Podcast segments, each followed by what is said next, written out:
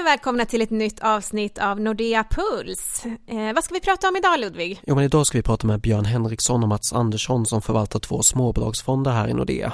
Vi har tidigare pratat med John Hernander avsnitt 5 där vi gick in lite på vad jobbet som fondförvaltare innebär men idag blir det alltså fokus på småbolagsfonder. Idag har vi med oss eh, Mats Andersson och Björn Henriksson som förvaltar Nordeas småbolagsfonder. Välkomna hit! Tack så mycket! Är allt bra med er? Jättebra! Kanon, lite förkylt bara. Kan ni inte berätta lite mer om eh, de fonder som ni förvaltar? Ja, vi förvaltar småbolagsfonderna, den nordiska småbolagsfonden och den svenska småbolagsfonden. Eh, och det har vi gjort nu i väldigt många år. Eh, och Nordea har en ganska bra position på småbolag. Eh, och vi har haft en bra avkastning. Den nordiska småbolagsfonden gick faktiskt över 1000% i avkastning under de senaste 15 åren här i för förra veckan. Det är lite kul. En kul mm. siffra tycker jag. Och det är ju inklusive avgift och allting. Så det är vad en kund faktiskt har fått och som har varit med hela vägen då. Och vi har många kunder som har varit med länge i, i den nordiska eh, småbolagsfonden. Då. Om du berättar lite grann om er investeringsfilosofi, hur den ser ut? Det är egentligen fyra kriterier.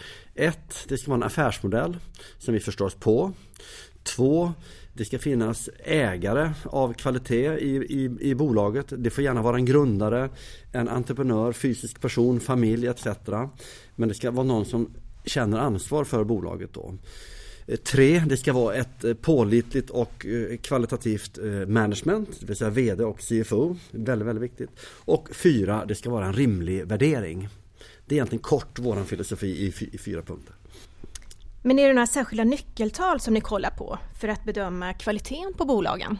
Mats, vi kanske kan lyfta upp den här skillnaden mellan stora och små bolag. För det tror jag är ganska viktigt i det här sammanhanget. Ja, eh, det är det. Man ska komma ihåg när det gäller förvaltning småbolag att det som skiljer mot stora bolag är ju likviditeten då.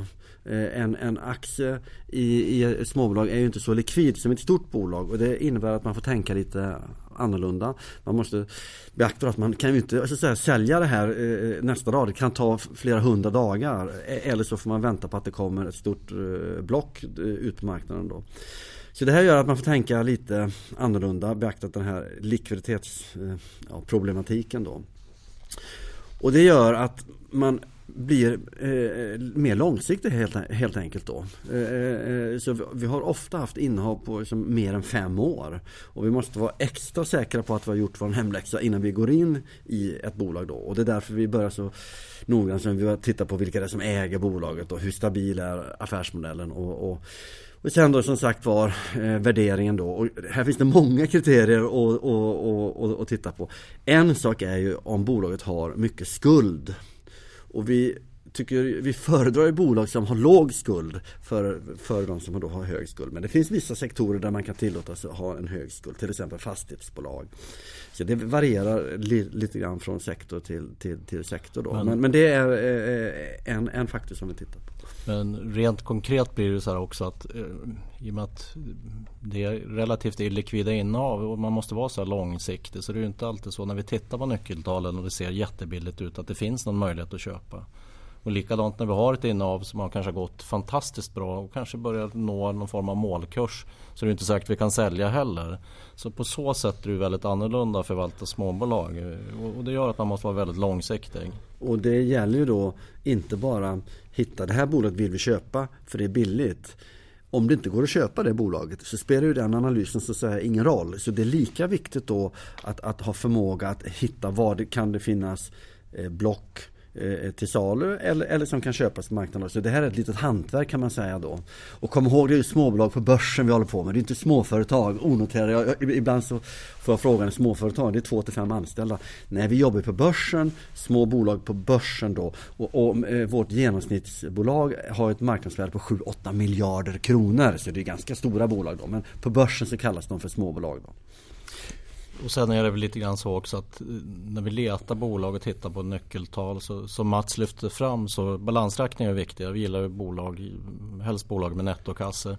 Och sen gillar vi bolag som har uppvisat en stabil lönsamhet och tillväxt över tiden. Och vi föredrar ju bolag som har haft en organisk tillväxt framför en förvärvad tillväxt. Och det här innebär ju att vi oftast köper bolag som har funnits ganska länge och uppvisat den här stabiliteten. Och det är inte så ofta vi söker oss mot bolag som brukar kallas förväntansbolag där det kanske kommer vinster i framtiden. Man kanske hittar någonting i den här gruvan eller eh, det här läkemedlet kanske kommer fungera. Ja, eller den här cloudlösningen som vi inte begriper oss på kanske blir bra. Utan vi vill ha eh, kassaflöden som vi kan ta på redan nu. Mm, mm, ni återkommer till det här med affärsmodellen ganska ofta. Är det några specifika affärsmodeller som ni tycker är extra intressanta? Då? Ja, eh, eh det finns många olika affärsmodeller. För det första ska vi förstå oss på affärsmodellen. Vi ska förstå hur bolaget genererar sina intäkter. Eh, Warren Buffett som ni kanske känner till, en av världens mest framgångsrika investerare. Han brukar säga att man ska investera innanför sin egen kompetenscirkel och inte gå utanför. Och det, det, så försöker vi tänka då. Och det är till exempel ganska lätt att förstå att eh, Clas Olsson eller Axfood som säljer mat eller, någon, eh, eller, eller eh, eh, Fjällräven som säljer outdoor equipment etc. Men när det börjar bli svåra produkter som vi talar om till de här så kallade kanske-bolagen, eh, förväntningsbolagen, då är det då eh, lite svårt då. Det är det första. Sen det andra är att vi tycker om bolag då som har det, återigen då här Warren Buffett, de som har en, en djup vallgrav kring sig, det som kallas för moat på eh, engelska. Det vill säga det är svårt att börja konkurrera med det här bolaget och ta marknadsandelar från dem av någon anledning. Och det kan ju vara massa olika anledningar. Det kan ju vara att bolaget har en Eh, så hög teknologihöjd så ingen annan kan kopiera. Eller så kan det vara att bolaget har ett väldigt starkt varumärke som är väldigt, liksom väldigt svårt att, att, konkurrera. Till exempel så har vi som jag sa eh, ett varumärke som heter Fjällräven som vi tror är väldigt starkt. Och som det, det, det, det är inte så lätt att ta ikapp det med det DNA det här bolaget har från 1962. Liksom, va, håll på med det här. De har varit nischade mot outdoor equipment hela tiden. Och det, det är inte så lätt att komma bara nu och säga och konkurrera med, med, med det arvet som det här bolaget har då. Bolagets DNA brukar man ju prata om och det är långsiktigt då. Alltså det kan vara en fördel då på marknaden då. Vi brukar ju sammanfatta det med två ord som jag tycker säger ganska mycket. Att affärsmodellerna ska vara uthålliga och förutsägbara. Och vi tangerar ju på det lite tidigare. Och, och, och, Förutsägbarhet ja. av vinster och kassaflöden det är en, ett nyckelord för, för oss. Mm, jag tänkte på det, ni gör ju mycket arbete såklart med analys kring bolag och så, men vad fokuserar ni på när ni träffar bolagen? Ja, eh, eh, vi börjar med att besöka bolaget rent fysiskt. Eh, åka ut och intervjua bolaget och då intervjuar vi VDn och CFOn. Det, det, är de två huvudpersoner som är viktiga då i ett småbolag. De är viktiga i alla bolag såklart. Men det, det är det första vi gör. Vi går, investerar aldrig i ett bolag som vi inte har, har, har träffat då. Och vi träffar och besöker ungefär 200 bolag per år. Så den här analysen är ganska fysisk. Eh, eh, eh, antingen åker vi runt i Norden eller åker ner till Småland till exempel. Björn, du var i Småland för, för, för ja, några veckor sedan. Vi, vi är runt och tittar på väldigt mycket fabriker och, och eh, ja, en liten anekdot här som är rätt rolig att berätta om. När, när vi är runt och tittar på fabrikerna, många förstår ju inte riktigt hur små företag det är vi träffar egentligen. Och eh, jag var nere och träffade ett bolag som jag besökte för ett år sedan. Och jag noterade då hur få eh, bilar det var på parkeringen utanför där de hade produktionen. Och när man kom in så var det väldigt robotiserat. Det var liksom väldigt lite manuellt arbete. Nu under året har ju omsättningen växt väldigt bra organiskt. Och jag noterade när jag var där att fortfarande väldigt få bilar, nästan färre bilar. Och, och Inga, såna, ingen ökning av kostnaderna. Nej, och det är sådana företag vi letar efter med mm. skalbarhet där man kan öka upp produktionen utan att det kostar så mycket mer. Det här var ett företag i Småland de, eh, vi, vi, kan säga att de tillverkar stängsel eh, helt robotiserat. Så att när efterfrågan ökar, volymen ökar, då behöver de alltså inte anställa eh, så mycket mer folk då, utan de kan bara öka liksom, takten i den här fabriken. Och, då blir det väldigt bra utveckling för marginaler och vinster då. Så det tycker vi är trevligt. Mm, det är ju ett bra exempel på en motor också kan man väl säga. Ja, eh, eh, för de har en bra tillverkningsprocess som vi, vi tycker är nästan outstanding och är världsledande.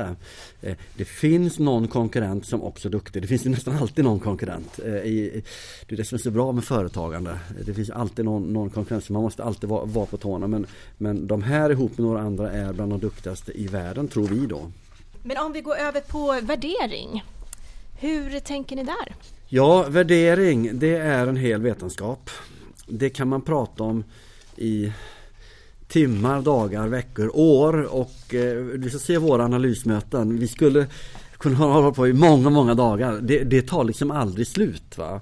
Eh, det finns väldigt många så kallade multiplar, må, eh, många nyckeltal att titta på. Skuldsättningen pratar vi om, låga skulder. Eh, vi köper hellre en Eh, en, en fet gris eller en mager gris då, i form av nettokassa till exempel. Va? Men, men eh, du, du kan titta på marginal, du kan titta på räntabilitet, eh, du, du kan titta på bolagets utdelningsförmåga. Det finns en mängd och det här tar liksom aldrig slut. Jag brukar säga så här när det gäller att eh, analysera en resultaträkning. Eh, och det har tagit från Benjamin Graham, eh, han som har skrivit boken The Intelligent Investor. Att man ska vara, titta på resultaträkningen skeptiskt uppifrån, alltså topline, omsättningssiffran. Sen ska man bli mer skeptisk ju längre ner i resultaträkningen du går. För det finns alltså vinster före och efter avskrivningar. Eh, ett till exempel det finns vinst före och efter skatt och det går att hitta på en hel del i en sån här resultaträkning. Inte minst då när det gäller eh, avskrivningar och eh, amorteringar till exempel. Va? Så vi är ganska kritiska när vi granskar en, en sån här resultaträkning. När du ändå är inne på resultaträkningen, finns det något eh, specifikt man ska titta efter bara för att se om det finns någon extra potential i ett bolag? Ja, alltså man, eh, eh, vi börjar ju med eh, bolagets omsättning, översta raden omsättning och vi brukar titta på om den växer or, organiskt som, som Björn sa. Det här kallas för lilla G i en sån här eh, eh analysmodell och vi, vi, vi, vi brukar mäta bolagen, och faktiskt göra en egen eh, analys på ungefär 100 bolag. Hur mycket växer det här bolaget underliggande organiskt? För att förstå, för det är lite farligt om ett bolag inte växer. Då, då, då kan det liksom bli problem. Det, det går att hantera men, men helst de här som kan växa 4, 5, 6 procent organiskt nu när när vi har låg inflation och, och sådär, då, det är väldigt trevligt då. Så det är vi väldigt noggranna med när vi tittar på den här, den här resultaträkningen. Sen tittar vi också på kassaflödet då. Eh, eh, det, det, är viktigt då. Men det går att luras med det med. Va? Det går att göra sale och leaseback på fastigheter och du kan göra factoring på dina på dina kundfordringar och fakturor och sånt där. Så att det, det, man får vara noggrann när man läser det här. Eh, eh, men omsättningen tittar vi på och sen är ju marginalen såklart viktig då. Men det varierar väldigt mycket från eh, bransch till bransch. Va? Sen tror jag man måste lyfta fram även här att när det gäller små bolag så måste man titta mer på kvalitativa nyckeltal kanske eller om man ska mm, beteckna det jämfört med bara hårda kvantitativa nyckeltal. Och så att vi lägger ju ner mer tid på att bedöma ledning och styrelse. Eh, för det är ju så här, som ett mindre bolag är väldigt beroende av, av att ledningen är där varje dag. Eh, annars stannar företaget. Ett stort bolag, vi brukar ta exempel på stora verkstadskoncerner som är noterade ute i Europa. Så eh, det kan ju vara både ett och två ledningsskift som skulle kunna vara hemma ett, två år om företaget skulle rulla på ändå. Det är klart att de stora strategiska frågorna tas inte men de här mindre bolagen, där i vår värdering så är det helt avgörande vem som sitter och sköter bolagen. Ja. Och det händer ju att vi investerar i i, i, olika bolag där bara utifrån egentligen en, led, en ledande befattningshavare som har börjat där. För, som vi vet är väldigt bra, kanske kan ändra på någonting i bolaget och driva det vidare. Likadant om en sån person lämnar eh, och har varit väldigt betydelsefull så händer det ganska ofta att vi säljer vårt innehav och, och söker andra investeringar. Och, där, och då är det ännu viktigt att titta på vem som är huvudägare i, i bolaget då. För de har ju svårare att lämna på dagen då. Då, då måste de sälja sina aktier. Men har du då en, en grundare som, som lever med det här bolaget som också då ofta kan vara VD faktiskt i ett småbolag. Vi har till exempel Sectra där Torbjörn Kronander är VD och han är också grundare och en av de största ägarna i, i bolaget. Eh, Martin Nordin i, i Phoenix Auto och Fjällräven som är VD men han är också en av de, eller han är den största ägaren. Det finns många sådana här goda eh, eh, exempel på det. Eh, du har Torsten Jansson i New Wave och Carl Benett på Getinge. Familjen Persson i Hennes och Mauritz. Det finns hur många goda eh, exempel som helst. Va? Goda exempel, de pratar vi om. Jag tänker, sätter ni någon nivå för eh, när värderingen börjar bli för hög och ni kan känna att det är dags att börja sälja av lite eller så? Ja, det gör vi. När vi tittar på ett bolag och en aktie så har vi en, en målkurs då. Och som exempel kan jag ta då när vi 2003 köpte eh, eh, 4% av Fenix Phoenix Outdoor. Kursen var 24 kronor. Och då hade vi en målkurs på 40-45 kronor, det vill säga nästan dubbla pengarna. Och det var ju rätt aggressivt tyckte vi då. Men eh, eh, ett par år senare när kursen började närma sig vår målkurs, ja då hade ju bolagets vinster börjat öka ännu bättre. gick det för dem i Tyskland. De hade köpt en, den här tyska eh, eh kängtillverkaren som heter Hanwag och det utvecklades väldigt bra. Så då, då, då, då, då blev det en, en högre målkurs igen. Så då var ju målkursen 80 kronor liksom. Och sen gick det något år till och sen då, då var de på 75-80 kronor. Ja men då hade de lagt till ytterligare någon ny marknad. Man började eh, växa i USA, eh, eh, eh, Asien, eh, små små eh, framstötar gjorde man där. Så då höjde vi riktkursen till, till 120 kronor. Ja, så här har det varit nu och, och nu då 13-14 år senare så är, är, kursen 1000 kronor och vi har kvar alla aktier. Så det här med målkurser är, det är rörlig materia för det är så dynamiskt det här. Det förändrar sig hela tiden för ett företag på den marknaden de verkar. Det, det, det, är aldrig samma från år till år utan det händer så mycket. Så, ja, vi har en målkurs men vi, vi, vi tar intryck och, och, och beaktar vad som händer där ute på marknadsplatserna. Va? Jobbar ni med säkerhetsmarginalen då också? Säkerhetsmarginalen är jätteviktig för då är det nedsidan vi, vi, vi pratar om. För Det kan gå fel, vi kan ha gjort fel analys. Eh, och då är frågan, hur, vad är värsta scenariot för det här bolaget och vad kan bli riktigt dåligt då? Och i småbolagsförvaltning så gäller det att undvika så kallade stinkers. Va? Bolag som fallerar, blir riktigt, riktigt eh, dåliga. Och det är väl det vi har varit hyfsade på att undvika då eh, historiskt. Så där kan man då prata om att vi har en säkerhetsmarginal. Att vi vill inte snabbt kunna förlora 80-90 procent. det är inte bra liksom. Va? Så vi väljer, vi väljer väldigt stabila bolag. Eh, vi har ju de här stabila aktier som ni vet på Nordea och vi startade det här 2002 så jag brukar säga det. Vi, vi, vi, var, vi hade stabila aktier före stabila aktiefonden fanns och så här. Så det, men då, då, då förstår ni tänket lite, eh, li, li, lite grann. Då. Så, så, ganska tråkig stil egentligen. Just att de har uppvisat eh, som god historisk stabilitet vad gäller intjäningen. Det är ju därför vi valt ut dem. Så är det lite hängslen och livrem på bolagen om man skulle komma in i stormigare tider. Så att om vi går över till själva förvaltningen. Eh, hur många bolag vill ni ha i portföljen? Ja, ja, vi brukar säga att vi har för många jämt. Eh, eh, och det är också det här med likviditet. Och, eh, vi har hyfsat stora fonder. Eh, småbolagsfond Norden är ju på ungefär 16-17 miljarder kronor och småbolag som Sverige ligger väl kanske på, på eh, 7 miljarder eller någonting sånt där. Och det här innebär ju då likviditet är väldigt viktigt och då får, får vi tyvärr för att säga ha lite fler antal innehav. Det är alltid trevligare om man kan ha en riktigt koncentrerad portfölj. Men vi, vi, vi vill, vi siktar på en 30 till 50 bolag men vi brukar sällan lyckas med det. Det brukar alltså bli fler bolag va? Eh, av det här skälet då. Men fördelen med då att ha den här investeringsfilosofin som är inriktad på kvalitetsbolag är att har man gjort den här hemläxan och hittat det här stabila bolaget då vågar man kanske ha lite fler bolag. För de sköter liksom sig själva, det är inte så höga risker i dem. Så därför så i, i, idag ligger vi snarare upp mot 100 bolag eh, eh, eh, och det är inte optimalt men tyvärr så hamnar vi ofta där. Men sen man kan lägga till där också så, som vi var inne på småbolag är ju likviditeten lite annorlunda och då blir det rent tekniskt också att vi kanske har 15-20 bolag som står i kö för att få komma in som står vid dörren. Mm. Och vi har plockat in några av dem men det är inga större innehav. Sen kanske vi har några som har uppnått våra målkurser och är vid ytterdörren och på väg ut. Men det, måste finnas köpare för dem också. Mm. Och det gör det att en, en, ganska stor andel av portföljen är liksom på väg in och ut. Eh, och sen har vi själva kärnan då eh, och det är inte så många innehav. Men hur länge brukar ni behålla bolagen i portföljerna? Ja, själva kärnan som Björn säger här. Eh, vi har till exempel haft Phoenix Auto sedan 2003. Det blir 14 år. Eh, Sectra har vi haft sedan 2006 eller någonting sånt där. 11-12 år. Och det har varit en kärninnehav, då kan man verkligen tala om då. Ofta har vi innehav mer än fem år.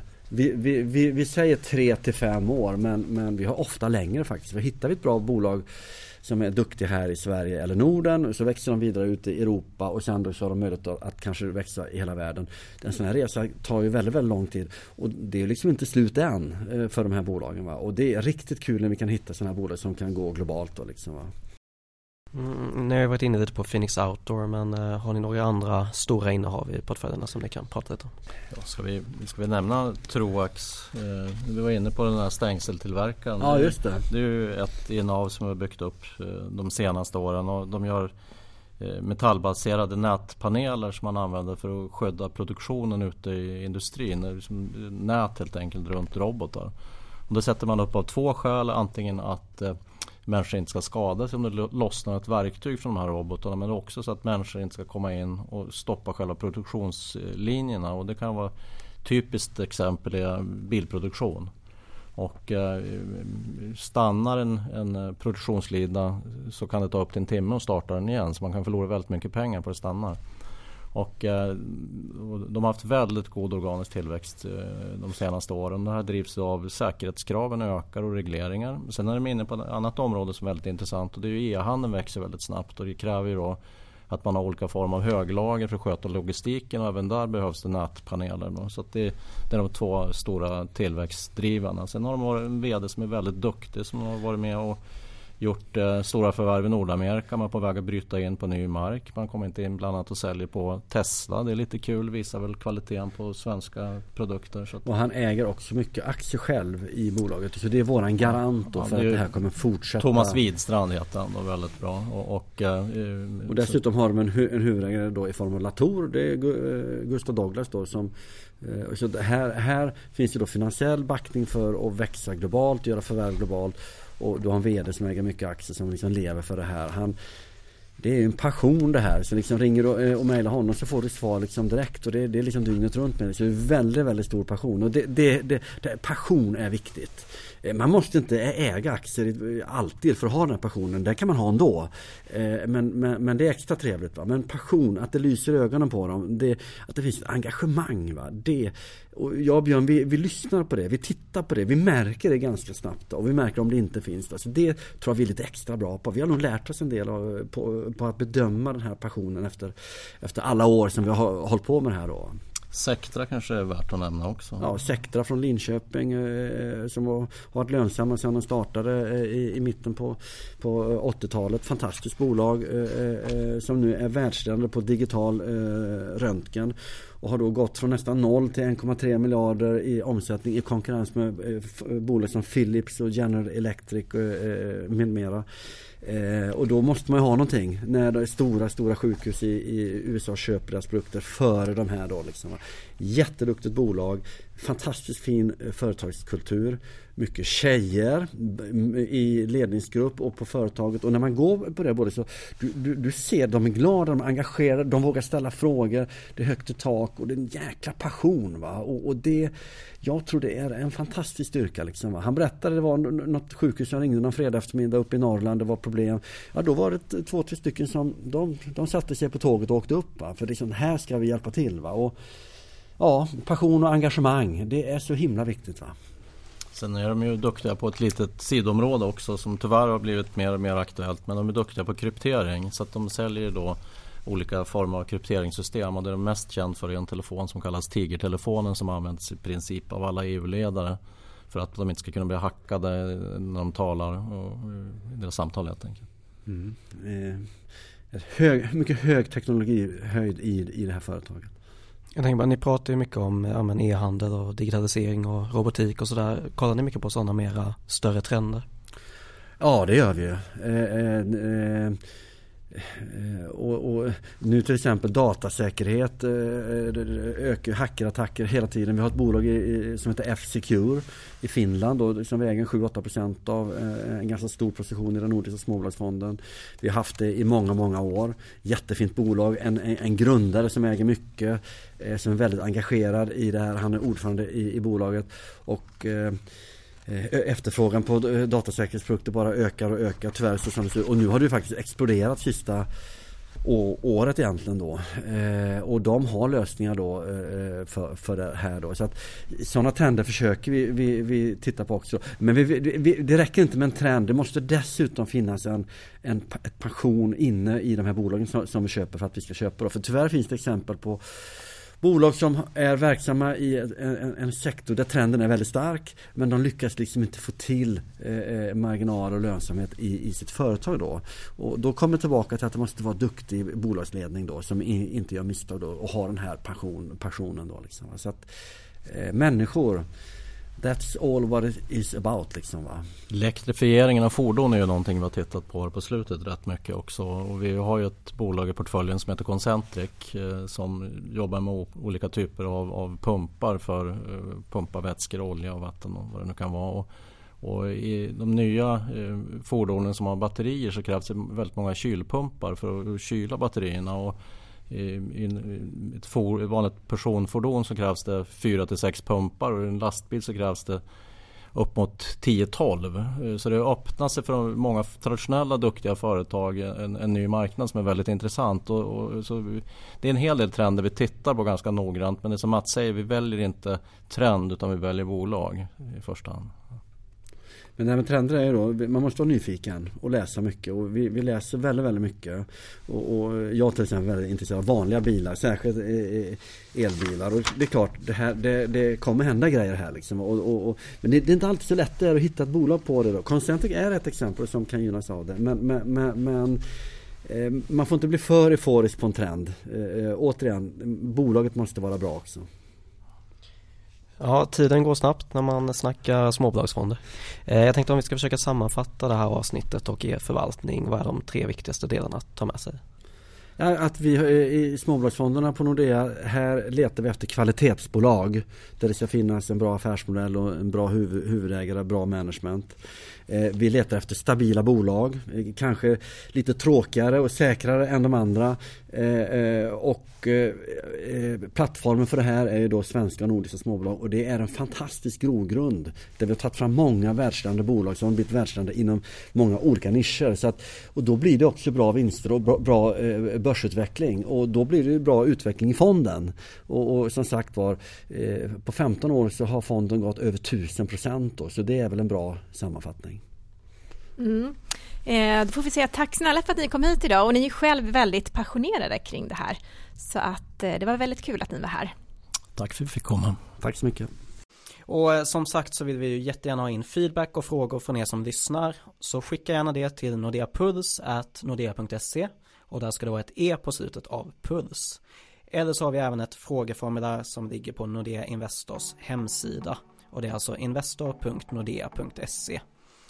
Och ja, det var alltså allt vi hade för denna veckan så vi säger tack och på återhörande nästa vecka.